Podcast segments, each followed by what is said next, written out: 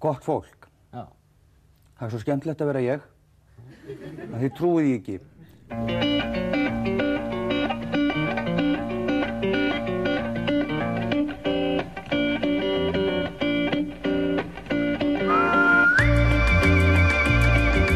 Velkomin, velkomin, velkomin, velkomin í þennan svo feskan þátt af, og tímamóta þátt Já. af Neiha Hann er ferskar en fiskurinn í bensinstöðinni, Nólingoldi, þessi. Sýtturinn titturinn maður, ég er búin að vera að míga í mjög spenningi yfir þess að þetta Þetta er nefnilega risa skref Já, í sögu Neiha. Já, þetta er nefnilega það sko og við erum í rauninni búin að vera meðan í sko vasanum í mánuði og, og, og það var hlustandi sem bara sérstaklega með þátt og hún ætlaði að leggja inn á okkur sérstaklega ef hún fengi þennan þátt Já. og ég Og las við bara free money. Og ég, í alvegni, ég las æfisögu viðkomandi fyrir Já. hennar þátt ég las þrjár bækur Já, þetta er alvöru það research. er alvöru research Það er ekki hægt að finna hennan og googla Nei, þetta, crazy stories of. ég bara bókast upp Kópás sá um þennan þátt Já, því að ég er að fara að fjalla um fyrsta Íslendingin já. það er Íslendingur í þessu þætti og það er engin annar en Bubbi Mortens Kongurinn. Kongur Kongurinn. The BM BM. já, já, ég var að reyna að koma einhverja styttingu við Já, það, þú veist.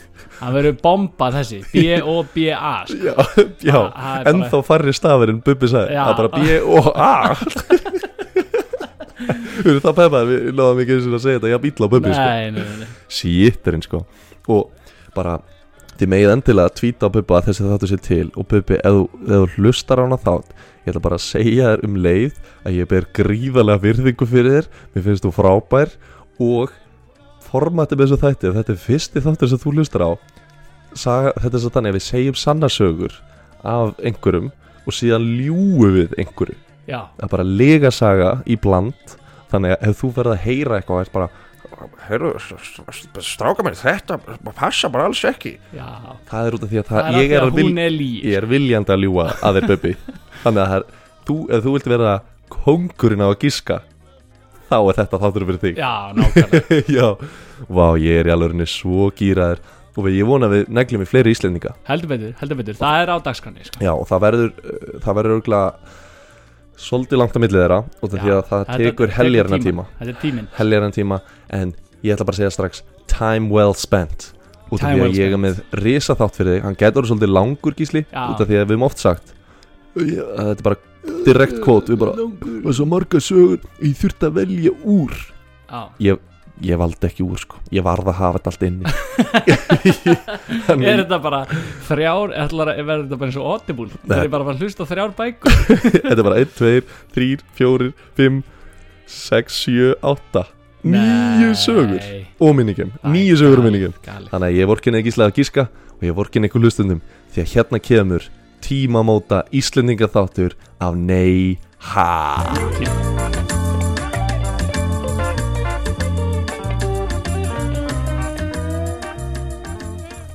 um, ég, ætla, ég ætla að koma með eina randabælinga ég veit ekki hvort að þetta sé líka gróft sko. Við erum eiginlega bara komnir yfir í eitthvað svona pluss átján kontentina Já, já, en, en ég er nefnilega að fara að halda uppistand núna á miðvikudaginn sem verður þá á undan áður en þessi þáttu kemur út. Þannig að þetta er exclusive brandari fyrir uppistandi if you wanna see it first. Já, en ég ætla samt að gefa hlustundum uh, við erum að tala um að þessi þáttur er að fara að koma út sunnudaginn um Vestló þannig að við erum að tala um prime time fólk á leiðinni heim aftur til Reykjavíkur eða hvað sem þá heima. Negli þessum þetta í gang. Já. Og ég var að hugsa hérna sko nú á hérna mamma kött kísu já, og kettir skrít, skrítindýr já, og er alltaf að hérna púla eitthvað svona þeir koma svona koma stökkva upp í rúm og svona mm, og ætla að fá klapp og, og ég klapp alltaf, ég elska dýr. Klappa kissunni skilur já, og kissun er bara prr, þetta er geggjað. Snýr sig við og sýnir mér raskatið um leið. Já, og bara svo, oh, bara k- cat, bara þú ert að skemma stemningar, við vorum bara í góðum fíling, bara klappa. Já, og oh, bara dút. Já, og ég eitthvað, var eitthvað að spjalla eitthvað eh, annan kattægjanda mm, og þau eitthvað, já, þetta er táknum að kissan treystir. Hvað, sýnir es? Treystir mig, með hvað? Hvað er þessi þetta er ótrúleitt ég bara eitthvað svona félagi minn, Hverju treystir hann þig fyrir? þú veist, félagi minn myndi eitthvað svona sína mér stjörnuna sína og vera eitthvað, ég treysti þér þá var, ekki vinur minn lengur sko. Bara, Arnar, hérna ég Þið finnst það kannski smá skrítið Já. En ég ætla bara að sína þér á mig hérna Og hérna, oh. það þýr ég treysti þér ég er svo fein að við erum hættir að taka upp þáttir og setja á YouTube sko, að Já, það, já Það er, er það edita svo mikið já, Nú lendum við Nú lendum við mm, í ótrúlegum aðstæðum. Út, út í álseg Nei, nei, bara ég og þú. Já, ég og þú. Við ætlum að fara að taka upp þátt. Já, ótrúlegt, Það var sól. Það var sól. Og mjög random series of events mm rekur okkur á auður tónleika. Já, þetta var svona eins og bíómyndina Series of, Unfortunate Events. Já. já, og hittum bara meistara allt kvöldið. Já, já. Og endum svo í eftirparti að gamla skólan Þetta var svona eins og að vera þarna, allir búin með bachelorin og það var bara allir í meistaraprogramminu í háskólanum. Þetta var ótrúlegt. Allir í meistararami Shit maður og við fórum á tónleika hjá Auðun og uh, hann fór úr ofan og ég gæti ekki beðið meira. Hann fór út að, nei. Nei. ég hann að hugsaði ég þetta er það sem ég borgaði fyrir. Já, nei, já, þetta voru geggjaði tónleikar. Já mjög góður Já, sjátt á það sem að er reyndar ótrúlegt líka mm. vegna þess mm. að við ætlum að fara að taka upp þennan þá Við ætlum að fara að taka upp þennan þátt fimm- um Bubba Mortens um Bubba Mortens já. fokkin spenntir Herjá, voru svo spenntir að tala um Bubba og svo bara hérna, Leinigestur svo bara hættu við bara, já við erum ekki að fara að taka við hann þátt skilur, Nei. og svo bara eitthvað mjög random sér svo event Já, förum á svo tónleika. Tónleikar og auður segir bara, er það nýtt lag. Nýtt lag, leinigestur, leinigestur kóngurinn Hver- lappar inn Bubbi Mortens. Bubbi Mortens. Sáum og við vorum bara, nei ha! Jálfurinn, ég mér langaði bara að stökka upp á svið og gefa hann businesskortið mitt. Já, sem, sem þú átt ekki eða átt Ja, við, við, ég nefnilega eitti öllum hérna neyha peningum og prentaði 20.000 businesskort ógeðslega Arnar þú Hugi. þannig, podcastir Já. þannig að hérna, ef þið viljið leggja inn á neyha síman þá er það 777 0069 já, bara, af því að hann glemd að prenta fyrir mig sko, við, við erum eiginlega búin að þú ert eiginlega búin að innlega nýtt Já. hérna sko að, sko guðirnir eru búin að vera bongodrómanum bongo drómanum sko. í allt sumar dúk, dúk, dúk, já, það er bara þannig. Þetta er bara búið að eins og í handbóltaleik sko. Já, já, þetta er bara, ég, ég alveg ég er svo sáttum með þetta sumar, fólk má segja það sem maður veit ég, ég alveg, sumari 2020 er hátt upp á mínu lista. Já, já, veist, ég, sumari 2019, jú, það var stemning sumar nei, það var að byrja, já. sumari 2008 ég man ekki eins, Man ekki sumari 2008 átján. Átján, já. Ég, var já, bara sumari 2008 auðvitað mannst ekki. Bara hápunktu góðaris rétt fyrir hrunn allir að kaupa sér nýja reynsrór já, já, já, já, það er náttúrulega svo mikið, mikið að hérna, ótrúlegum djöldlir í fegin so far. Mm að vera ekki komið með eitthvað svona viðunefni svona smábæjar viðunefni já, raggi prumpi eða eitthvað svona dót, já, sko. það er svo slemt fyndi minni viðnefni er að sko það, sko, það týðkast mjög mikið á viðnefni og svo týðkast það líka mjög mikið á hérna vestfjörðum. Já. Uh, og vestfjörðum þá er einhver sem heitir, ég man ekki eitthvað skúli, skúli skandall eða eitthvað. Já, en það er út af því að langaði hans gerði skandal á balli. Og, Já. og, og viðnefni hefur gengið erðir Já. og öll þjóðin er alltaf þekkt sem fyrsta nafn og svo skandal já, pældi því. Það er þú, það er mjög þungt sko. Hvað gerði langafinn? Já, það ég er meina- ykkur alvöru skandal já, ég meina það er geggja nafni framhaldsskóla kennari held að hann heiti Óli. Og Mm. það kallar Óli Hæ af því að einhvern tímann þá hérna, þegar hann var nýbyrjar að kenna og var eitthvað títuður eða eitthvað þá fór hann, var búið að frétta að það væri eitthvað skvísur í einhverjum bekknum eitthvað. Þú veist, hann var ungu kennari eitthvað og ætlaði að kíkja inn svona, fór inn í bekkin bara til að kíkja skilur já. kíkja Já. og sagði, ég ætlaði bara að segja hæ. Alltaf kallar Óli hæ. Það er ógislega þungt. Og svo, sonur hans í dag, hann er bara kallar Andri hæ. Já, þú ég hef nú fengið frábærtiði nefni uh, sem, sem svona minn innstyrringur á það til að nota sérstaklega þegar ég spóli yfir mig. Uh, og það er hérna Addi Hátti Addi Hátti, já. Og kallar Addi Hátti að tveimur ástæðum báðar frábærar og finnar. Það er náttúrulega Addi út í heiti Arnar. Mm, algengt að kalla Arnar að Addi já, og svo Addi Hátti og það hljómar svo Addi Hátti já, en líka út af því ég vann í kviknabrassan já Og- að High def, High Def. Já. Þetta er frábært sko.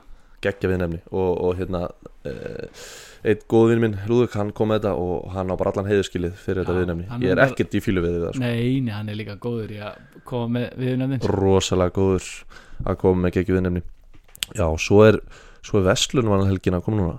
Frídagur Vestlunmanna og það er náttúrulega ekkert sem segir frídagur Vestlunmanna en að bara rústa sér grunnlega Nei, nei, þetta er bara þú veist, lifurinn í þér Já. veit. Svo er þetta bara að vera svolítið óvenjuleg þjóðatíð, nei ég segi Vestlumælgi, sko þjóðatíð er svo integral hlutur af, af hérna Vestlumælgi Já. að ég bara oft hef mismælt mig og sagt bara, bara þjóðatíð þjóðatíð í staðan Já. fyrir að segja Vestlumælgi. Já. út af því að þetta er bara þetta er bara, þetta er bara eins og skæri og blað. Eigum koranan að Veslu og þjóð. Vestlú og þjóð. Þannig að Þetta verður sérstakt sko. Þetta verður sérstætt Það verður áhugavert fyrir þá sem að hlusta þennan þátt á sunnudaginn. Já, hvar sem eru á landinu og hvað sem gera í, í, á þessum fordæmalösum tímum já, Arnar, já þá er samt nei ha, það verður ekki dreist Nei, það er enga fjöldatakmarkar Það er alveg- það er alveg, no, já, nákvæmlega. Þið getur hlustað á þátt án 500 pluss já, enda fengum við alveg 570 manns fyrsta sólringin það er galið. Já, ég, hérna þetta var geggjað og það er nú eitt sem hefði nú örglega spilað á þjóðatíð já, spila nokkur og sinnum hann hefði jéð því að Bubbi kann sko að yeah. já, og ég held að ég komi út af því að Bubbi Mortens hann er með langa sögu. Og ég ætla að byrja núna. Yeah. og þetta er að fara að vera langa þáttur og við þurfum að byrja. Þannig er mál með vextikísli ég ætla bara að byrja alveg og við byrja ætlum bara að vinda okkur inn í þetta. Já, bara áspjöld Mortens. Áspjöld Mortens verður kallaðir Bubbi restina já, sko Bubbi hann hefur átt alvöru æsku á gamla skólanum sko. og það sem er svona kannski svolítið sérstætt við Bubba hann er, hann er, hann er mjög minnugur um æskunni sína, hann man þetta bara allt. Já, hann er ekki búin að gleyma neinu. Og hérna hann segist munna svo vel eftir æskunni sinni að hann man bara mjög vel eftir því þegar hann var á brjósti. Nei. Hann bara man þegar uh, hérna, hann man þegar hann var bara á brjósti á mömmu sinni og mamma segir að það getur eiginlega alltaf verið sko. Því að hann hætti á tútunni bara þegar hann var árskamall já, en Bubbi segir að það sem var kjátt að hann, hann man sko að mammas var í myndu grænum kjól og, og hann var og, og, hérna, og hann man eftir bræðin á brjóstamölkinni og man eftir lyktinni.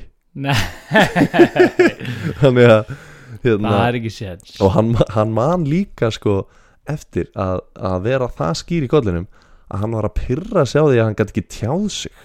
Og það hann var, hann var sko orðin það skýr í hausnum að hann vissi alveg hvað var að gerast. Að hann var samt ekki orðin það skýr í hausnum að hann gæti talað.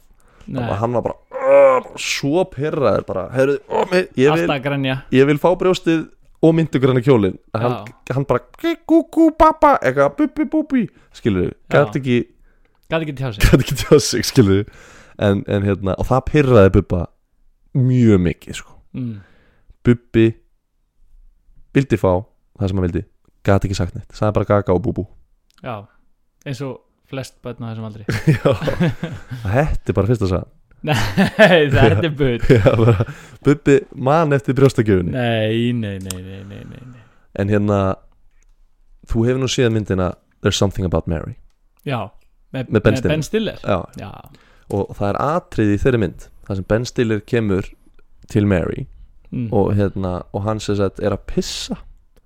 Þannig að það bara í byrjun myndinar já, og hann er að pissa á klostinu og kemur að læða hana Why do birds suddenly appear? Og hann er svona að horfa á okkur fugla. Já, og svo bara baka fuglana þá er akkurat Mary að skipta um föt. Já, og, hann, og þau halda að hann sé að horfa á hana skilur með til hann úti. Já, og hann bara panikar og bara já, rennir upp rennilásnum við R- pungin á sig yfir pungin á sér og, og gets the franks over the beans oh, skilur, og rústar þessu til hann þetta er hella atrið sko.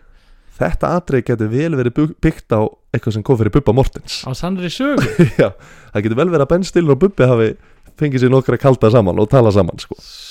því að þannig var að þegar Bubbi var þryggjára gamall þá var hann hérna að horfa á veðhlaupa hesta Já. hann sagt var í Danmörku og afi hans var mikill áhættu spilari Mm. og hérna var mjög spenntur fyrir einhver kapplaupi sem var að hana og, og hérna og Bubbi er hann eitthvað þryggjára gamall og er bara byrjar að tjá sig. Og bara bestify our piece eða eitthvað, ég veit ekki hversu góða dönsku hann talaði. Hann alltaf hann Hann var í Danmörku? Já, hann var í Danmörku með afa Ok. sinum sko. Og afan sé danskur. Já, ok, Þannig, og mamman sé dönsk ok. Og mamman spubba sko þannig að hérna og, og, afinn drífur sem er strákin að fara að pissa og er svona annars sluga út af því að þú veist, hann heyri bara hann nei, ekki bongudrómuna, hann heyri þú veist, hestanir á miljón skilur já. og hérna hann, hann er eitthvað, eitthvað klára að pissa, klára að pissa. Og, og síðan bara er þetta búið og hann rennir upp zip, og puppi byrja bara að grenja bara, þú veist, eitthvað ég, ég, ég var eitthvað að reyna að grenja með pupparheim en eitthvað byrja bara að há skjala, skilur já, og, og, og Bubbi var ekki svo sleipur í dönskuna hann gæti almennilega að tjá hvað var í gangi. Þannig að afinn er bara, ég skil nú ekkert í þessu. Skil ekkert í þessu. var auðmikið þetta. Fe bara með krakkan og horfa veðhlauparistana og Bubbi ekki svo chillaði lengur. Búin að vera chillaðir en þarna hættir hann að vera chillaðir og bara aðalega að grenja bara í gegnum allt veðhlaupið. Já, og síðan hérna kemur mamman og, og, og afinn er bara ég, já, ég forstó ingenting. Bara ég skil ekki á hverju krakkin hann bara svo chillaður já, og svo bara bara grenni í nokkra klukktíma. Mamma er eitthvað, já, heyrðu. Heyrðu, það er ekki nema að furða maður. Það bara, the franks are over the beans skilur, þú bara búin að renna rennulásinn í, í til hann að bubba. Ó, og þannig að hérna Ó, hvað það er slæm þannig að mamma bubba losa rækjuna bubba Já, og túlibannan og bara opna rennulásinn og hérna það var nú bara þannig að þetta er nú ekki í eina skipti sem bubbi lendir í hremmingum. Af rennilás? Með, með hérna með hérna Sparið með sér kartöflubókan sinn sko. Heldur, heldur hérna var hann einhvern tímann þegar hann var úlingur þá var hann hérna uh, þá var hann eitthvað að mála eitthvað bragga. Já, og er hann upp á þakinu. Og hérna og, og er eitthvað að renna sér niður braggan já, bara út af því þeir voru bara ungi strákar og voru eitthvað fýblast og hann að renna sér bara Wííí nema það er nagli. Ó, sem stendur upp á bragganu og, og skinnsokkur hans bubba hann lendir nú bara á þessum naglan ánaglanum Ó, og naglin reif nú eiginlega bara kúlubókan hans hans bubba bara af. Ég nefna bara allavega hann reif vel í hann sko. Ah, og, og fyrir kallmennan úti það er þungt sko. Og Bubbi getur neil bara þakkað bara með heilbyrðiskerfinu og læknunum hérna á Íslandi fyrir að hafa bjarga kálböglunum hans. Já, því annars hefði bara ekki verið er Nei, búið nei. spil. enga gullurættur og bæn, bönir fyrir Bubba. Úf, þannig að úf þetta er nú ekki góð leið til þess að byrja rockstöðunni feril. Nei, en samt sem áður. Er þetta rockstjörnum saga? Já. Hann er allavega hann getur þakka fyrir það að þetta hafa verið notæft eftir þetta æfintýri sko. Já, já, fyrst já. afinn, svo brakkin Ó, Þetta er ekki hægt sko. en hérna, en málið er bara Ó, Ég er bara með svona, ó, svona óþæginda gæsa. Já, þess vegna hérna, þess vegna var ég að koma að léttari sögur núna Já, já, já krakkar á þessum tíma, það er bara þannig að þeir komust bara upp með meira rugl sko. Hérna það var bara minna eftirlit til fóreldrum fóreldrar voru ekki að mikið að pæla í krökkum sko. núna er þetta bara, þú veist, þú ert með CCTV þetta bara, Já, bara lockdown, ekkert kjátt það veist fóreldrar vita einhvern veginn, það er hægt að fá sér appi síma og getur bara trakka krakka en þú vilt sko. Það er ekki hægt það er náttúrulega ekki hægt, það var bannað að gera það sko. og hérna og hérna það voru sko í hverfinu að spöpa það voru tvö gengi Já, og þessi tvö gengi voru alltaf að slást. Hvað, bara í Reykjavík já, já, bara inni í árbænum. Árbænum, já. Og hérna og, og sko Var þetta bara eins og Benjamin Dúa? Já, Bara, við, við erum samt ekki að tala um eitthvað kottaslag hérna sko. Við erum að tala um bara alvöru slagsmál sko. Og hérna og, og þeir hérna eru þannig að þú veist, við erum að tala um að þú veist, menn voru að klæða sig bara eins og þeir voru í matmax bara Nei. tætt föt og, og þú veist, keðjur eitthvað drast og, og hérna og það var haldinn aðal slagur á hverju ári. Á 13. það Nei. var bara svona þú veist, bara Gangs of New York skilur við, fólk, fólk er bara að mæta bara bara halda smá bara. Já, og við erum að tala um svona kannski 10 til 12 ára gamla krakka. Og hérna en Bubbi hann var búin að undirbúa sig heldur betur fyrir þennan slag og hann var búin að fá hérna svona spýtu og let hefla spýtuna fyrir sig. Þannig að á endanum á spýtunu þá leit spýtun út þessu svona öks svona mm. þrýhinningur á endanum bara þessu svona axaskaft skilur já, hún fannst þessi kilva kannski ekki alveg nógu hérna, hættuleg. Þannig að hann tók svona vetrakeðju sem að venjulega setur utan um dekk á bíl já, og vafði utan um að endanum á kilfunni og Ah, mætti þetta er bara some old school shit. Og, og hann mætti þangað með bara sturlað vopn. Og þau mæta hana og Bubbi er bara með einhverja ræðu bara, bara eins og Braveheart skilur they can they can take our lives. they can, uh, they can take our vestibodies but they can never take our freedom. Eitthvað, og, og hérna og, sem sagt, og svo öskra bara árás! Og þeir hlaupa. Og hlaupa fram með eitthvað kofa. Herru, það er bara trick hjá hinum, hinu gengunni gengið á búin að koma sér fyrir á hérna, einhverju þaki og var að rulla stórum steinum niður þakið og bara duk, duk, duk, og bara fú, og bara og bara ofan á, bara eins og the Rings. Já, bara eins og ég helm stýp skilur og hérna krakkar bara holy shit, þannig að Bubbi eitthvað hleypið tilbaka sko. Og hérna og, og það sem sagt hérna retreat! Og, og, og hérna en síðan sko Bubbi hleypur eitthvað og, og, og hérna en, en, en þá sko var þannig að, að Bubbi hérna hleypur eftir óvanliðin og það er allir að flýja sko. Mm. nema það að handa við hotnið þar beigð einhver alvöru endakall eftir Bubba. Ískaldur Já, það var Steini einegði nei, Steini eini, hann var bara með eitt auga hann hafði mist hitt augað í öðrum slag öðru, öðru stríði sem hafði ah, hvað var verið 12 ára.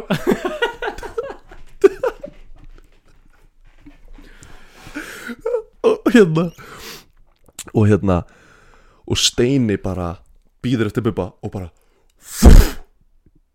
beinti andlita á Bubba og Bubbi rótast og hann vaknar bara eins og eins og hérna í Saving Private Ryan skilur þegar það er búið að sprengja Tom Hanks og hann er bara, bara með svona píp í eyrun og bara hann sér bara fólk er bara slást skilurðu. hlaup út um allt og bara reykur heyrir bara, og- já, heyrir bara krakka bara, ég dröf þig skilur og hann Ha. er reyna að fóta sér skilur og, þeir voru sem betur fyrir með hérna sko, sín eigin leinikall sem hérna var einhver svona einhver, hvað maður að segja, einhver svona brút típa sko já, sem trompast þegar hann sá Bubba rótast og bara þá flúða allir hinliðin og svo hrætti við þennan brjálæðing sko. já, en Bubbi vakna líka snældu já það ætlar að hefna sín. Bara með blóðbrað, bara játbrað í munninum. Hann fer á fætur, rýfur upp þessa kilvu, keðju kilvu sem hann er með og, og hleypur og króar einhvern strák af.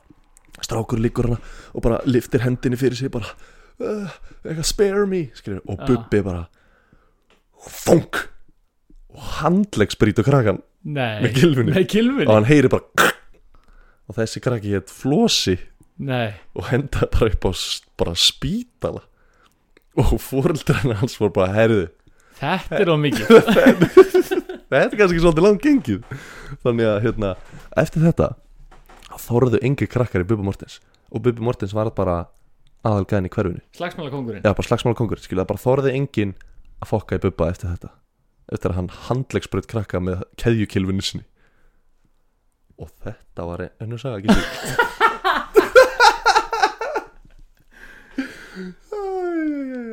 árbærin sko, be aware Já, nákvæmlega, sko, maður er ekkert að ruggla í árbanum, sko. En síðan setna meir þá ákveður nú að Bubbi að hérna hann ætlar að reyna fyrir sem sjómaður einhver pening. Já, og hann er þarna vissulega komið mikið áhuga á tónlist og Já. hérna hlustaði mikið á Rolling Stones og Beatlana og eitthvað svona og bróður hans eldri átti einhvern plötuspilar og eitthvað svona. En hann náttúrulega var ekkit orðin neitt nafn hana þannig að menn þurfa að hafa í sig og á sko. Já, já, þannig að eins og hérna margið þá fór hann að sjóan til þess að graða. Og hérna sjóliði var samt erfitt fyrir Bubba Bubbi var bara ungu maður og, hérna og var svo sjóveikur. Bara ældi og ældi og ældi og ældi.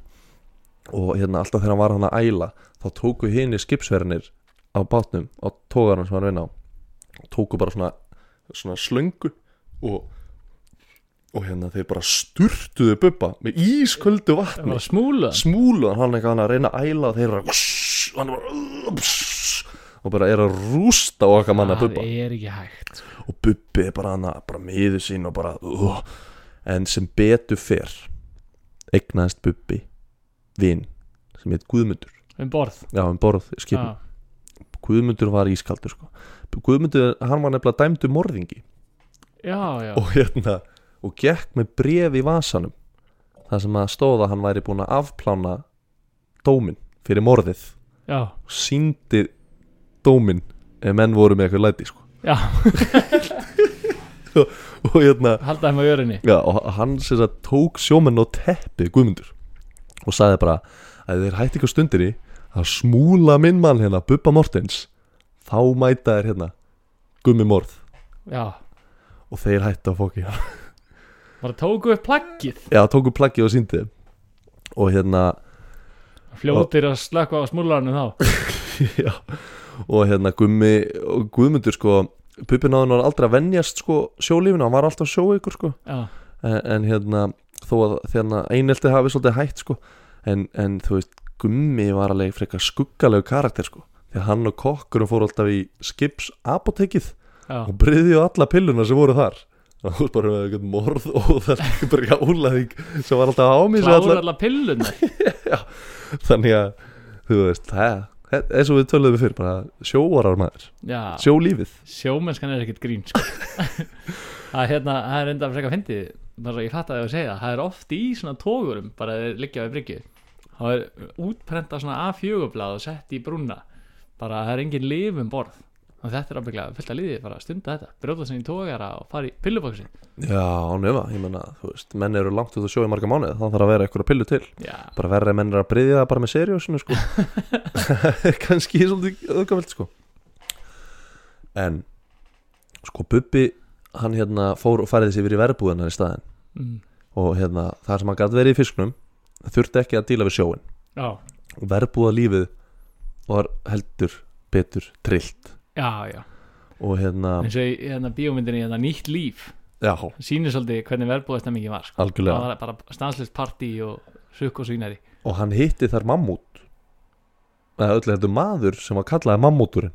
Nei, Mammúturinn var kallaður Mammúturinn út af því að hann var tröllvaksin risamaður.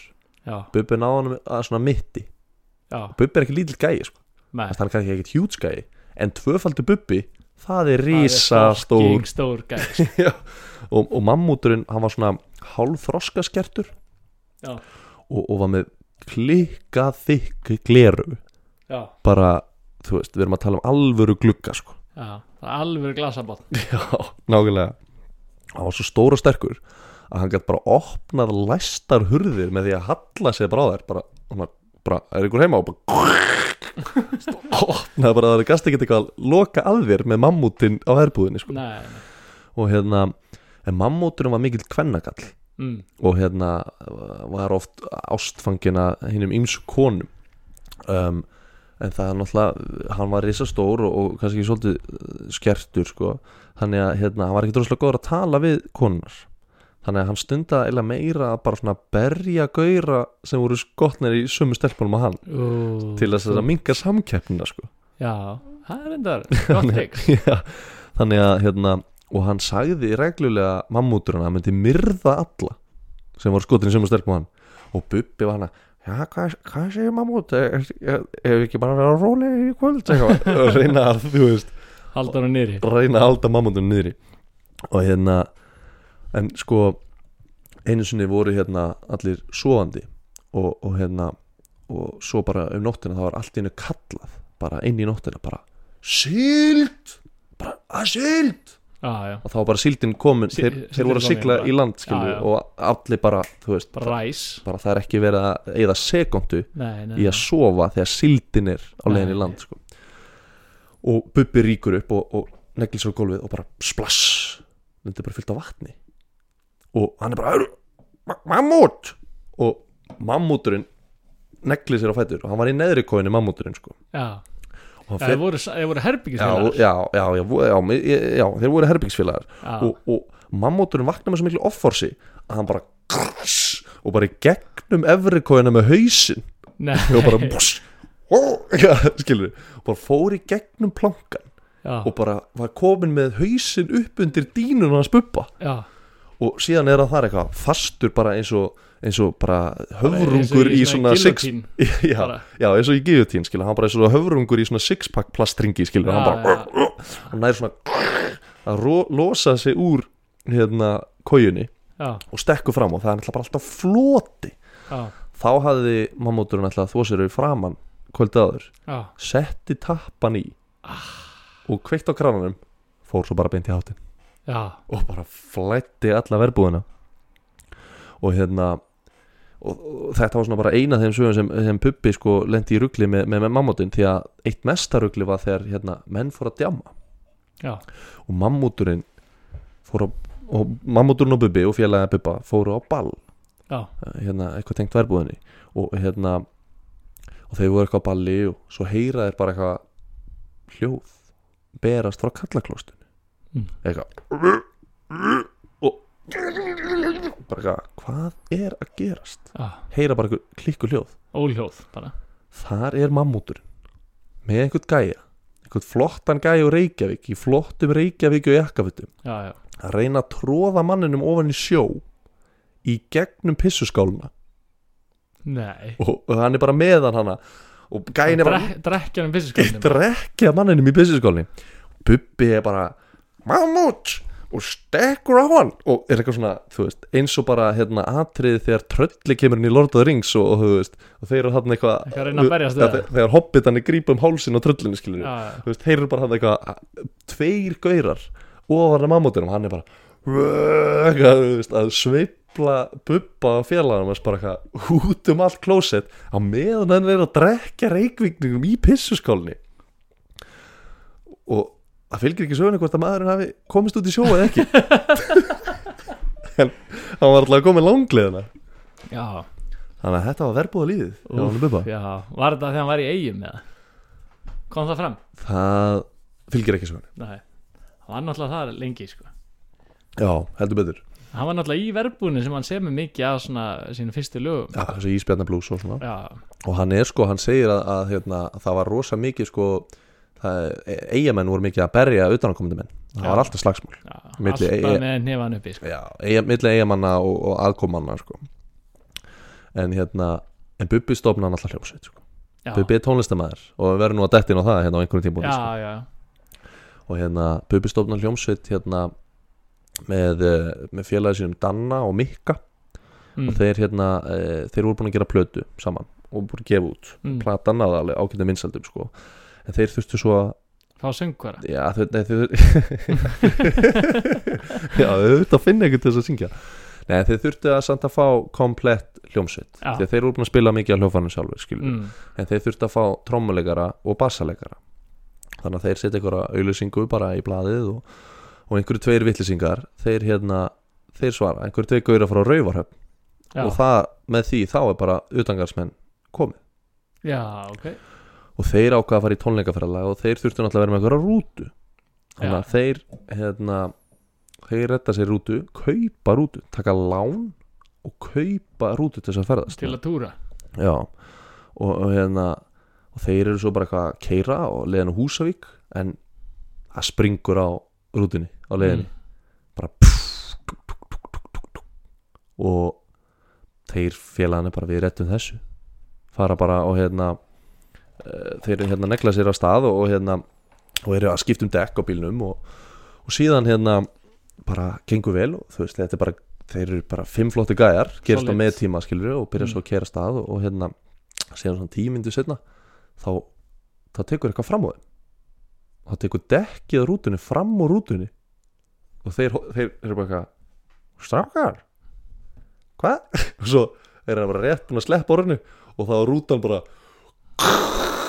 og bara og út af og bara og bara rústa rútunni bara Og- fyrst í túrin fyrstu túrin, fyrstu tónleikarnir rútan ónýtt sem þau tóku lán fyrir. Nei, þannig að þeir fara bara labba á næsta bæ ringi á leigubíl fá að taka leigubíl á næsta bæ og einhvern veginn á að leigja einhverja rútu þar.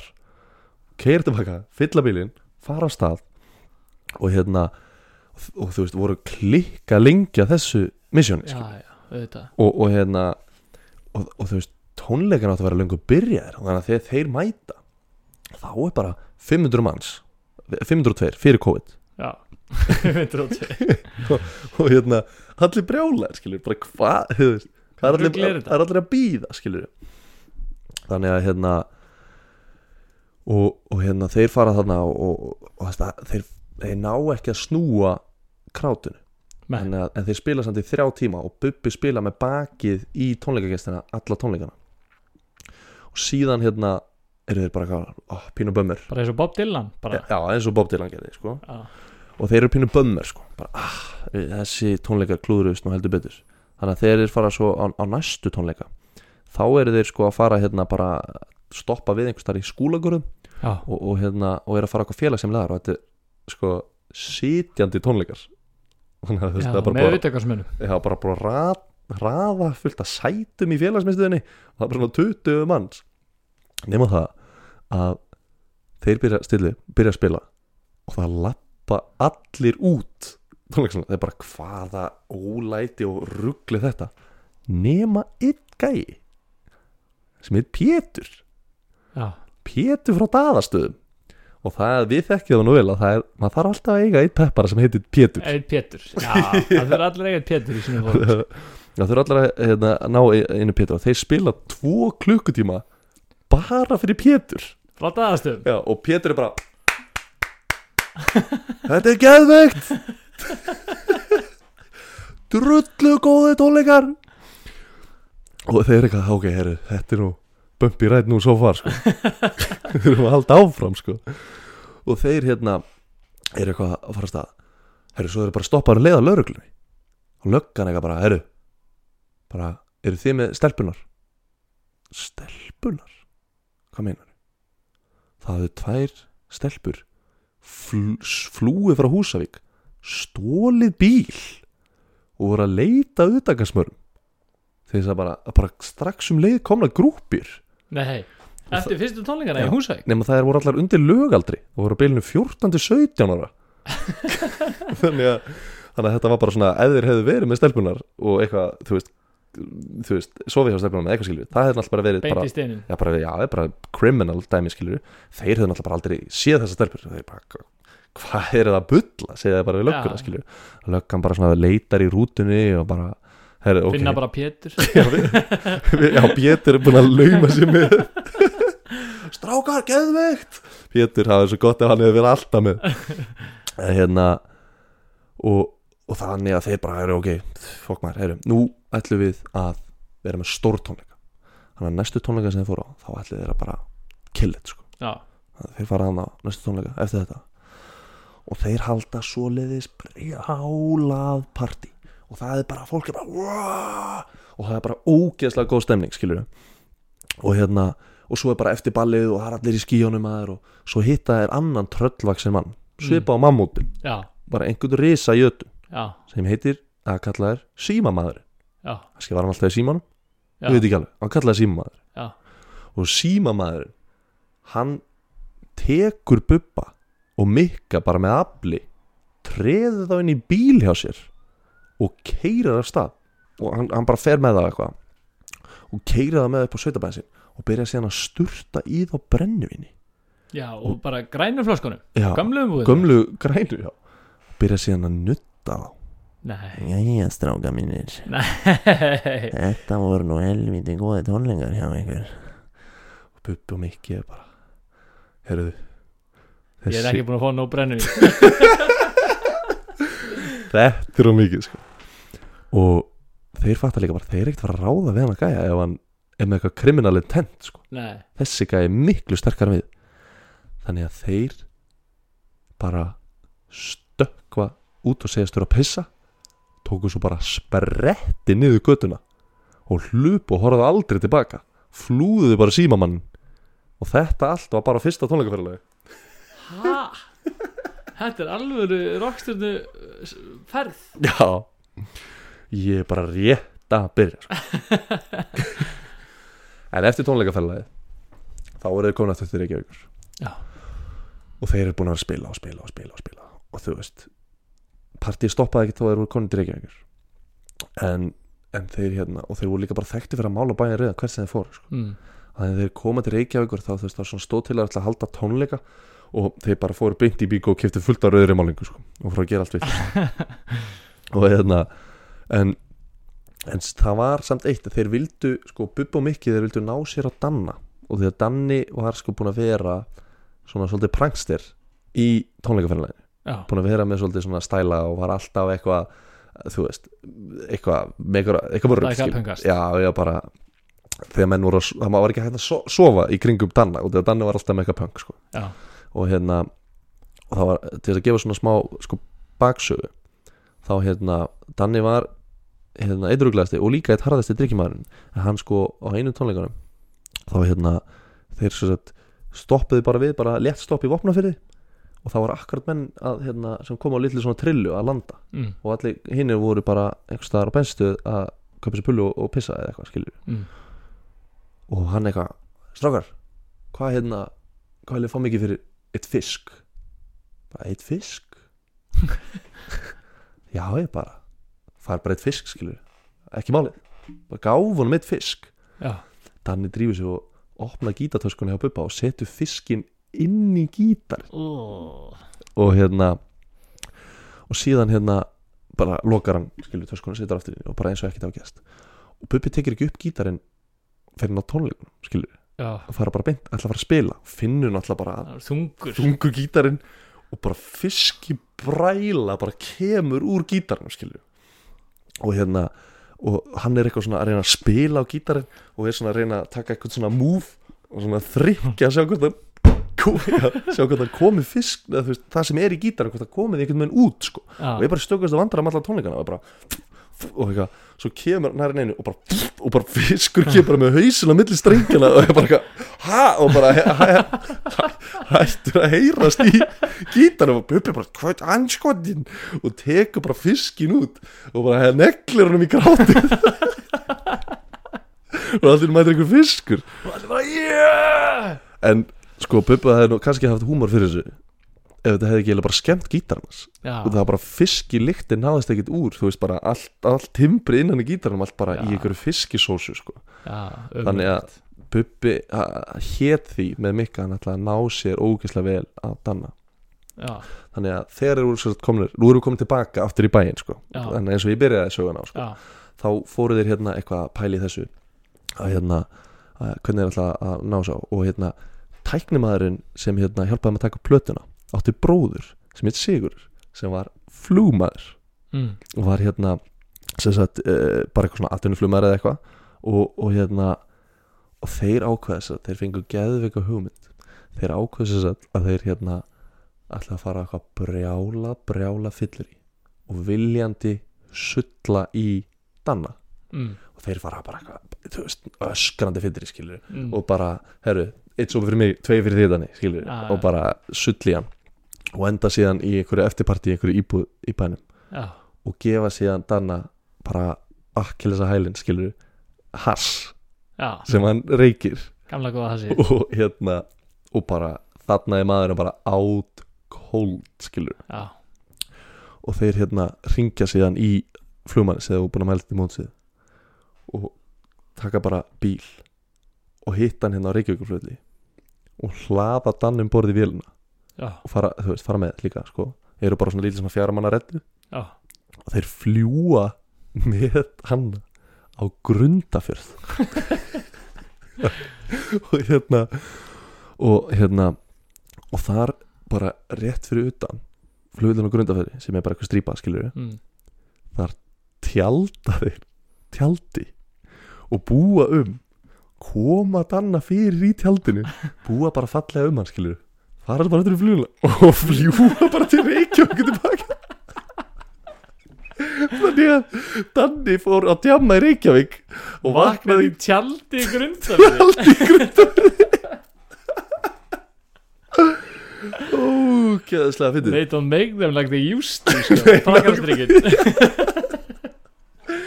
og hérna og þeir, hei- þeir eru síðan bara að býða í bænum og heyra svo ekkert meira frá Danna skilju, Mm. erum við, eitthvað bara að faka svo fá þeir loksins símtali það var ekki og hann var svo, hann mundi ekki neitt. Og hann bara stráka, hvar eru þið, hvað? Hvað? Við grunar alltaf ekki í eina sekundu að það væri foul play skilju ég bara einhvers þar í grundafinni ég veit ekkert skilju og þeir bara í síman bara deyja úr það sko. já. En, en hérna Bubbi, hann hérna hann nefnilega fór svolítið í, í sko, í hasið Já, og hérna, hann bjó sko fyrir ofan lauruglustöðina í Reykjavík. Þannig að þar sem bara headquarters hjá lauruglunum já, á efra þeirni það var Bubbi Mortens með íbúðinu sína. Þannig að Keep your enemies closer. Og þeir fara þess að Bubbi, einhver félagans og svo einhver dópgæ einhver svona, já, bara einhver dópdúti skilur, Já, einhver sem selur hass, já, þeir fara hann upp saman og, og þess hann er Bubbi komið með pínu not, svona, svona notoriety skilur Mm. þannig að uh, dópgæin, hann vildi endilega bara reykja með Bubba skilur, fá að vera með í stemningunni. Já, og, og hérna, og hann sem sagt fer hann með þeim upp og er með eitthvað hasskökul og þetta hass er bara eitthvað ban eitra drasl sko, veist, bara eitthvað ógeðslega stert Mm. afganst hass og hérna, Svartur afgan? Já, eitthvað svoleiðis. Kannski kemur lagið út frá þessu. Og hérna og hann reykir, en vandamálið er að sko dópsalinn hann reykir yfir sig og fer á hvítuna. Ú, og bara uh, líður yfir hann í, í hérna íbúðinni. Já, Bubba? Hjá Bubba. Og Bubbi bara er shit maður. Vandamálið er náttúrulega að Bubbi var að fara að spila á tónleikum eftir klukkutíma Já, í bænum sko. Og hann að hann eitthvað kíkir niður stegangin skilur herri, bara 40 lauruglumenn niður skilur, bara vaktaskipti og ekki séns að fara að fara með einn gjössalega tjónaðan í gegnum það Einn grátt alveg bara fílabeins hvítan með niður.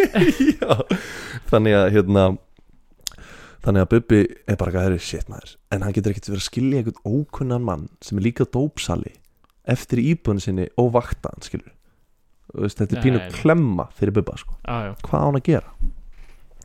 Þannig að Bubbi tekur upp á því að hérna hann tekur svona einhvern svona dúnpoka einhvern svepppoka, einhvern djöfulin mm. og bara setur hann yfir gæjan eins og svona hólk já, og bara hausin upp úr og bara rennir bara fast skilur bindur í kringum þetta og, og svo bara lokaður glugganum þannig að það heyrist ekkert ef hann myndi öskra. Já, og síðan setja þér bara einhverja kassetu, einhverja spólu í tækið og bara allt í kvínandi botn já. og beila skilur, fara bara að spila tónleika og þetta er ekkert eitthvað smá tónleika skilur bara Bubi Morten spilaði fjóra klukkutíma á balli. Og, og hérna og síðan hérna koma það tilbaka og þarna er bara, við erum að tala bara miðan nótt skilur, bara klukkan þrjú, fjögur eða eitthvað. Hellaðir, örgulega já, já, bara auðvitað hellaðir. En hann fer sann beint í kaffi til lauruglunar já, og hérna, og hann er bara létti og bara, já, stáka mínu, hvað er búin að handtaka maka í dag? Eitthvað, og er bara að fæ sér einn ein, rjúkandi heitan bolla sem Já. er svo gott beint fyrir svefnin sko, að fá já, sér já, einn fá sér einn sótvartan sjóðandi eitan já. og þeir eitthvað, hægur stáka mínu og nú hugulegt að fá kaffi með eitthvað hérna og bara, við sjáumst og lappa síðan upp. Kemur hann upp. Þar mætir náttúrulega fáraleg sjón. Þar er dópkæl náttúrulega löngu vaknaður. Já, og þeir hefðu lókað glugganum en glimt að slökka opnunum að það er bara ógeðslega heitt í íbúðin. Og gæin er hana í þessum dúnpoka bara eitthvað vafinn inn. Og, og bara öskra "Ah!" og hann nefnilega var búin að reykja svo mikið að hann mundi ekki neitt hvernig hann hafði komast angað þannig að hann mundi ekkert eitthvað, já ég var með hann Bubba Morthens." vaknaði bara í þræla situation. Seinast sem hann mann var hann var bara í góðum fílingum veslumhelgina og svo var hann alltaf komin í þetta helviti og, og þegar ég segi helviti gæinn helt bókstala að væri komin til helvitis bara hér er heitt, hér er mikið læti og, og ég er fastur skilur og gæinn er bara eitthvað og þeir eitthvað bara, hæri sitt maður og leipa hann úr bara spennitreinu skilur sem hann var í. Já, já, og hann er hann bara svo sveittur að þú veist, það bara pollur undir gæðinu, hann er búin að svitna svo mikið. Og hann er líka búin að æla yfir sig allan og var gjössalega tjónaður. Og þeir eitthvað svona ætla að fara að henda honum út sko og, og kíkja niður og er, þá var bara, það kikið hana bara eru, allir, cozy clear, nei, nei, þá var löggan bara að berja eitthvað gæja í það eru býðum aðeins? Pældi hvað Bubba var að, bara að leika þú veist, Hættulega leik. ætla að leika búa fyrir ofan lögguna. Ótrúlega gæi. En hérna. Þetta er gal Bara, Nei, nei býta eins, býta eins Ó, er það rakkar að vera að berja gæja yngrum aðeins Shit maður En Það er nú ekki bara Bubbi og tón og, bara, og, og hérna, hljómsveitin sem voru rugglega gæja sko. heldur voru líka oft bara tónleikagestinir snar rugglaði sko. Já, já. og hann var að halda ball hver að gerði og en það var áður en að etin brann sko. Apinn kom á tónleikana og allt sko. já, já, og ég, ég veit ekki, veit ekki hvort að tónleikana haldir þar. Það- ég held að það bara verið haldið í einhver svona félagssal. Já, nema það að þegar tónleikana byrjaði þetta bara þinn fínasti félagssal bara góð stemning og eitthvað. Mm. miðin tónleikanum þá er húsið vera fókælt og þegar ég segi fókælt þá menn ég bara að það er búið að rífa veggina niður. Það er búið að rífa einangrunu úr veggjanum. Það er búið að henda öllum borðum og stólum. Bara alvöru punk tónleikar gjössanlega búið að rústa niður. Og þeir eru hana bara hlusta á Seppelin og ég herðast skilu og það fólk er bara hér er efnið, þú veist það er bara bara gjössamlega snældu vittlaust partí. Bara afsmíða húsið. Já já. Og fólk er hana bara veist, klikka og síðan er einhver gæi sem bara við köllum bara berserkin Já. bara rugglega gæi og hérna hann, hann er bara brálaður og er á stór gæi eitthvað. Og, og síðan kemur einhver og stendur fyrir frá berserkin og hann bara neglir í andliti á gæðinum Já, og nefbrýtur hann. Og nefbrotið heyrist í gegnum alla tónlistina. Bara- og Bubbi bara bokk þetta var alveg högg sem þessi gæði var að fara í, fá í andlitið. Já, þannig að Bubbi bara herru holy shit. Þeir hætti að spila og fara út og þar býður löggan. Já. Tvei löggurbílar og Bubbi er bara, stráka mínir, þetta er nú allt komið og böndur mann inni, ég, ég held að það sé nú best að þið hérna, kíkja inn, það er einhver, hann berserkur hann er alveg vitlaus maður, hann er nefnbrjóta mann og annan. Og löggan er bara nei. Glemdu því Gleymdu glámur. glámur Það er sem að fara inn það er sko, það þarf bara riot police, skilur það er bara 100% uppreisn hana inni í tónleiksum þeir bara, við erum bara góðir inn í bílum sko, við bara áttu einhver góða spólu eða veist, við bara erum ekki sjans að fara hann inn. Og hérna Bubbi er bara, ok, shit man, ég er bara þetta á mig. Það er bara lögleisa í landinu. Bubbi Mortens er að fara að sjá um þetta mál. Já, upp með ermennar Bubbi, já, te- tekur bara ermann upp lappar inn í tónleikasalinn. Og þeir fara að tala við berserkin setja hann niður og hann er hann bara eitthvað rosa mikið að "Ó, ég er svaka kall og ég er rosa kall og, hann, þeir sjá höndin hann og höndin hans er stökk bólgin Já, og það er eiginlega meira svona eins og bara puttin hann sé bara eitthvað síktur eða eitthvað bara höndin hans er alveg rústuð. Já, og þeir eru bara gaur bara, uh, bara hendin er alveg tjónuð. Og berserkun er bara já ég finn nú ekkert fyrir þessu þetta er nú bara tillingaskýtur hérna. Og til þess að sanna það að þetta hafði nú engin áhrif á hann Já. þá tók berserkurinn öskubakka úr málmi og hjó af sér fingurinn fyrir fram, fyrir fram að bubba Ha? bara tjong Nei bara á borðinu. Já. Tók af sér putta tók af sér buttan bara á borðinu og Puppi og Mikki og Danni voru bara Hæ?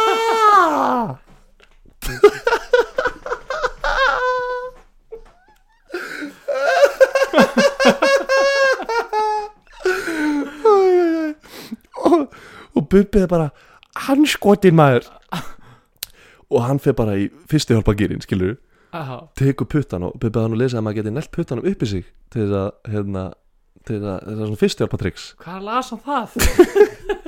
en Fyrstu hjálp fyrir rockstjörnur það hafði sagt þetta er svo sjúku putti að hann hljópar inn í eldús og sóti plásboka Já, og hérna næri í plásboka og, og berserkur hann er bara ég er svolítið þreytur stráka minni ég ætla bara að fara að leggja mig. Finnur hann að eina opnin sem er ekki búin að rífa vegnum leggur sér bara þar. Og Bubbi leipur upp til laurugnar og bara, stráka minnir tekur fingurinn á gæðan og sýnir bara, er þið ekki komið nóg eða? Er ekki að fara að stoppa þetta partí eða? Og löggan eitthvað er hann um, er hann somnaður er segurinn já, er hann hann er, hann er bara meðutunleys hann inni á ok, við komum. Nei. Þeir þorði bara ekki inn á meðan þessi gæða vakandi. Já, þannig að hérna löggan fer bara inn og kíkir á þetta og, en hérna og þú veist, er bara í sjokki en þú veist, sjóma skó án skilur já, já, þannig að það er bara tónleikar næsta dag á Hotel Borg. Já, Guðurinn sem nefnbrotnaði já, sem var kildur, kaldur. Já, hann endaði náttúrulega bara á spítala skilur já, já. nema það að hann strauk af spítalanum og mætti á Hotel Borg tónleikana Nei, bara eins og múmía. Grjót það var bara allir vafinn bara í andlitinu eins og múmía skilur Já, og bara yeah! Bara mætti beint á ballið. Peppaður. Djöfell er ég ánæði með það. Já. Var þetta Pétur? þetta var Pétur frá dagastöðum. Já gísli minn. Þetta var nú helviti mikið var þetta Þetta, var heldur mikið rugl. Já.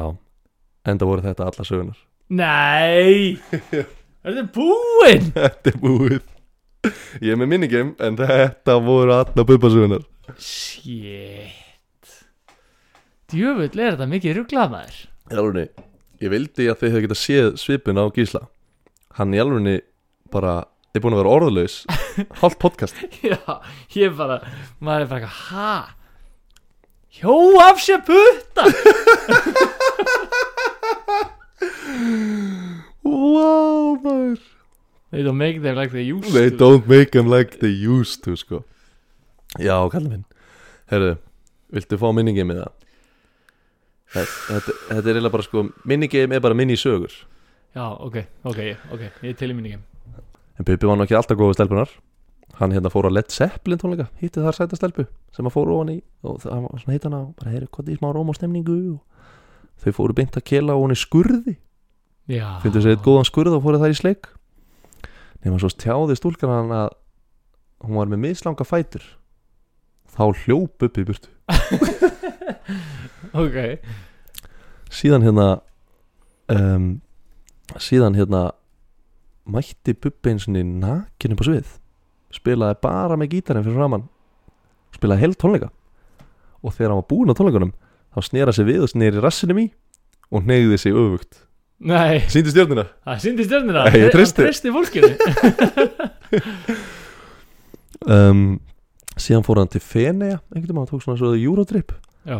hitti þar einhverja konu sem átti með virðulega skópuð Já, þau eru bara góði vinnir, skilur, hann og konan. Mm. og hann var alltaf að hérna, hann var alltaf að svo hjá konunni þegar kallinn var í, í fríi. Já, og, og hún held þar bara eitthvað svona opium búlu partí nei. Bara eins og í alvöru gamla skólan þar sem menn voru bara að reykja opium Og bara lágu upp í kóju og lág upp í kói bara heima ykkur alvöru. Ha, já, já, já. Svo í Kína í gamla dag já, Bubbi líka hann er sko ákveðn típa hann er típan sem öskrar í bíóhúsum hann getur ekki hort á bíó á þess að vera bara já, lemjan áfram þú getur þetta, Sylvester Stallone bara kildan, eitthvað, áfram, áfram. Hann er bara þessi típa í bíói til er bara mest pyrrandi típa sem til er. Það er ótrúlegt. Og hérna, Puppi var líka mjög flagari svafilega öllum. Þegar hann var í skólanum þá var hann svaf hann eiginlega hjá nánast öllu stelpunum í bekknum sínum.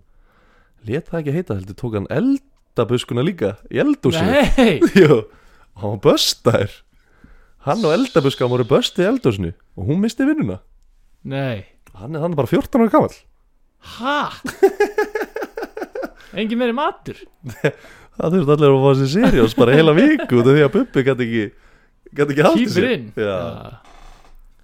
Þetta var minigeimið Og eina þessum er bull. Eina þessu Það eru alla bull, ég held að það sé tryggsið Já, það er Sko Ég er upp með að halda það að hann hafi gönnaði burtu að því að hún var með mislanga fætur stelpan. Já, þú segir það? Já, ég ætla ekki að sko Já, ég veit ekki á hverju ég háði þetta inni. Ég fannst þetta bara svo illa gert að Bubba. En það er satt. Það er satt, Já, illa gert. Illa gert. Bubbi En hann var aldrei nakin og síndi stjörnuna. Ha? Hann treystir e- ekki albúðunum. Hann treystir, hann treystir ekki gráttinu Það stóð ekki í Vákvæð bókinni þetta hefði einhvern veginn verið mesta Mest í bubbi mest í bubbin Já, já. Gera þetta. Nei, hann hérna Hann bubbi sko, hann uh, Allt þetta var satt. Hann hefur lent á svo ótrúlega mörgum karakterum Í gegnum æfina og, og ég meina fyrst að hann man eftir brjóstamjólkinni Hann í byrjun Já, þá greinlega mana þetta allt bara. Hann man eftir hverju einustu manneskjur mann heitum aðeins sko. ótrúlegt. En það er nú ekki vist að þú munir alla söguna gísli. Nei, við, ég verð að fá ríkap á þetta sko. Það er ekki sjens að giska beint út í bláin sko. Nei. Já, en hérna ég byrjaði nú að segja svolítið bara þetta var nú eiginlega bara svona frekar stutt saga eiginlega svolítið bara fun fact en Bubbi er svo minnugur að hann man eftir bragðinu á brjóstamjölkin á mömmu sinni eftir lyktinni og eftir í hvaða kjólum hún var í þegar hann fekk brjóstamjölk Já, þetta man hann allt saman. Og hann var, hann var svo skýr í kollinu þegar hann var einsás að hann man eftir öllu nema hann gæti bara ekki tjáð sig og það pyrraði man Bubba. eftir að geta ekki tjáð sig. Já Síðan var þetta eiginlega hérna, forsaðan af There's Something About Mary þegar afi Bubba rendi rennulásnum í til hann oh, og, og Bubbi rendi sér svo mörgum ára setna niður bragga og sleit til hann ennþá meir. Oh, oh. og, og kartaflubókin hans Bubba þurfti að fá aðlýningu að landspítalunum síðan var hann hérna í einhverju bara orustu upp í árbænum Með kilvuna, kilvuna homemade? Þar sem hérna þar sem hann hérna hann heiti þar einegðan strák sem hafði mistið mitt augað í öðru stríði sem kildan, eða reyndar slóan með kilvu þannig að hann rótaðist og hann trompaði svo mikið að hann handleggsbröðt annan krakka með keðjukilvunni sinni. Já, síðan var Pippi að reyna fyrir sig sem sjómann. Já, hann var alltaf að reyna að græða einhvern penning á sjónum. Já. Það gekk nú ekki betur sem svo að hann var svo sjóvikur og allir voru að gera grínari Bibba, Bibba litla. Mm. en hann átti sem betur fyrir góðan morðingja til þess að bakka sig upp. Já, gummi morðingi. Mjög morðingi. Sem gekk alltaf með dómin Dómin í vasanum. Og aðsannum til þess að sanna. Síðan hérna hitti Bubbi mammút. Já, í mannaformi. Á verbúðinni. Já, á verbúðinni, einhvern risastóran kall sem bæði setti allt á flot. Barði hausnum sín í gegnum öfrikóina og hérna endaði síðan að það reyna að tróða einhverju reykvingi gegnum Í, í klósitið pissuskáluna og uh, Bubbi og félagi hans reynda að stoppa hann þeir voru bara eins og mýflugur ofan þessum gæja. Já, gæðin gætt bara hrista á og hinn sér bara komin halva leið út í sjó. En svo stopnaði hann hljómsveit með utangarsmenn þar sem Já. ég saði rakti söguna fyrsta tónleikaferðalæðinu sem endaði nú ekki betur en svo að þeir rústuðu rútuna á leiðinu fyrsta tónleikana. Þeir hérna e, þeir sko heldur tónleika fyrir Pétur. Já, þeir hérna einhver, einhver, einhver úlingstelpur voru svo hrifnaði að þeir stálu bíl og síðan endaði þetta nú eiginlega á því að hérna, einhver gæi rændi þeim og byrjaði að nutta þá. Já, og þeir hlupi í burtu frá því. Einhver tröllvaksinn einhver tröllvaksin símamaður. Gaf þeim brennuvín samt. Já, gæði gott brennivín. Já, En svo eftir tónleikaferðalagi þá hérna þurftu þeir nú að ná sig aftur á honum Danna sem hefði sett fisk í gítarna spubba. Já. Og til þess að ná hann þá tóku þeir mögulega besta rekk sem nokkuð tímann hefur verið gerður. Gæðveikur flugu með hann á grundafjörð og tjöldu tjaldi og skildan eftir það. Hversu átt var Hansson? já, já, ég menna, þú veist gæðin hefur bara verið gjössalega meðvitundalaus Já, já, hundra þú veist, en ég menna pela brennivinni og, og, og, og svartur ákan Já, er það ekki vera að slökka í flestum sko. en síðan hérna bjóbiði fyrir ofan lögreglustöðuna Já. og hérna og, og þar fór dópsali á kvítuna sem þeir settu svo í, í spennitreyju. Mm. og síðan þegar ságæði vaknaði eftir fjóra klukkutíma tónleika þá held hann að hann væri í helvíti. Já, að hann var fastur í söfbókan fastur í söpbúkanum inn í íbúðinni hjá Bubba Já, með tónlistin í gangi og lögreglun að berja einhver gæja á neðri hæðinni.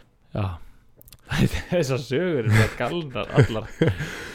Og síðan var það einhverju tónleikar í, í hveragerði.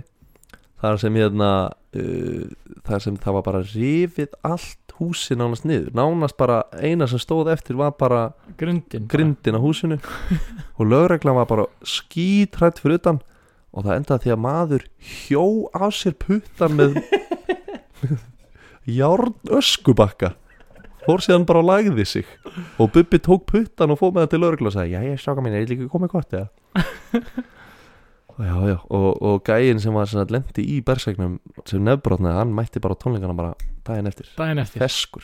Já, bara með, með múmíuklæðin í gangi sko. já, og þetta voru alltaf sögnar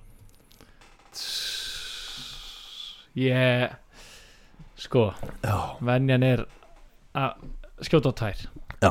það eru tvær sem að sem að hanga uppi sko, já, standið hjá mér, standi upp sko. það er annars vegar það að, að Bubbi hafi verið á sjó.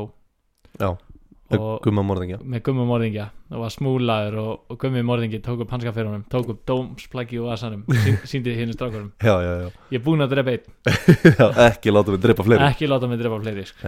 I can do it sko. já, og síðan finnst mér smá hérna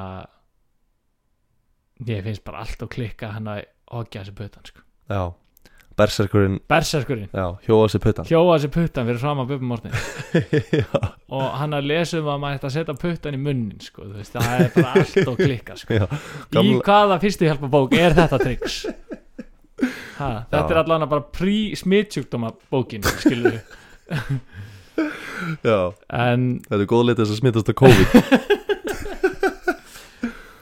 Þetta er góð leið til að smitast í af, af öllu eiginlega bara held ég. Sko ég ég er með gött feeling. Mm. gött feelingið segir að Bubbi hafi ekki verið sjóaukur nei, og Gummi Morðingi hafi ekki verið um borð hann var ennþá í steinunum. Gott gísk, gott gísk þungu þáttur fyrir þið að taka. Já, mjög þungur sko.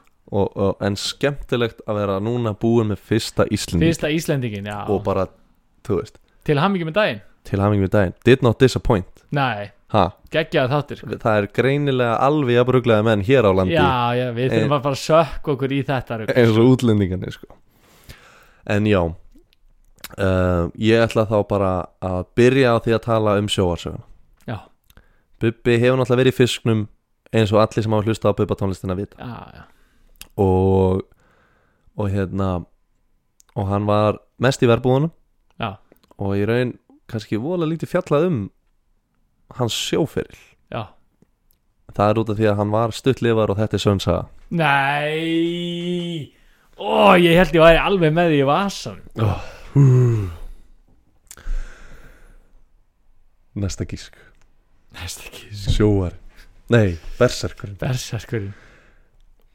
Þetta er náttúrulega eins og ég hafi tekið þetta úr einhverju Lord of the Rings átek og að Gimli hafi verið þarna bara Já, já, með dvergavinnunum sinum og það drukku svolítið mikið mjöður. Já.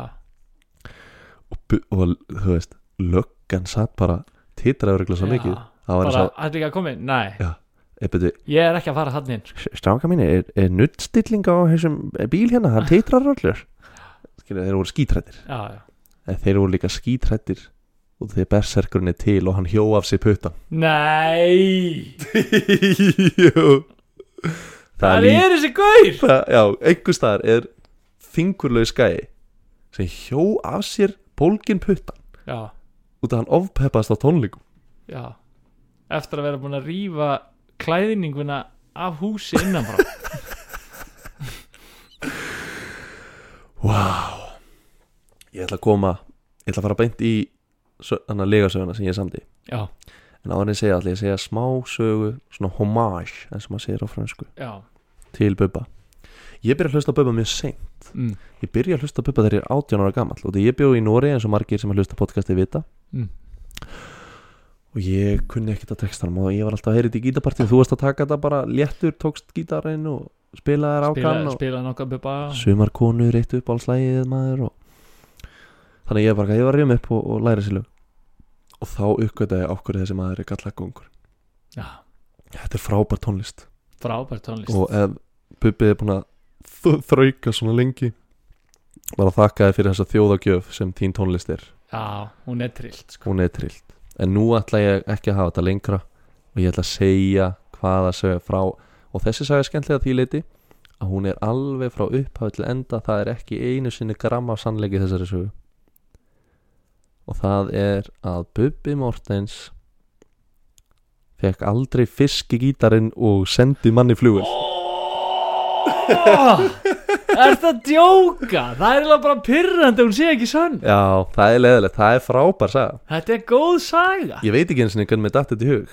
Ég ætlaði sko að byrja því að semja um eitthvað Ég ætlaði fyrst að semja beljusögu.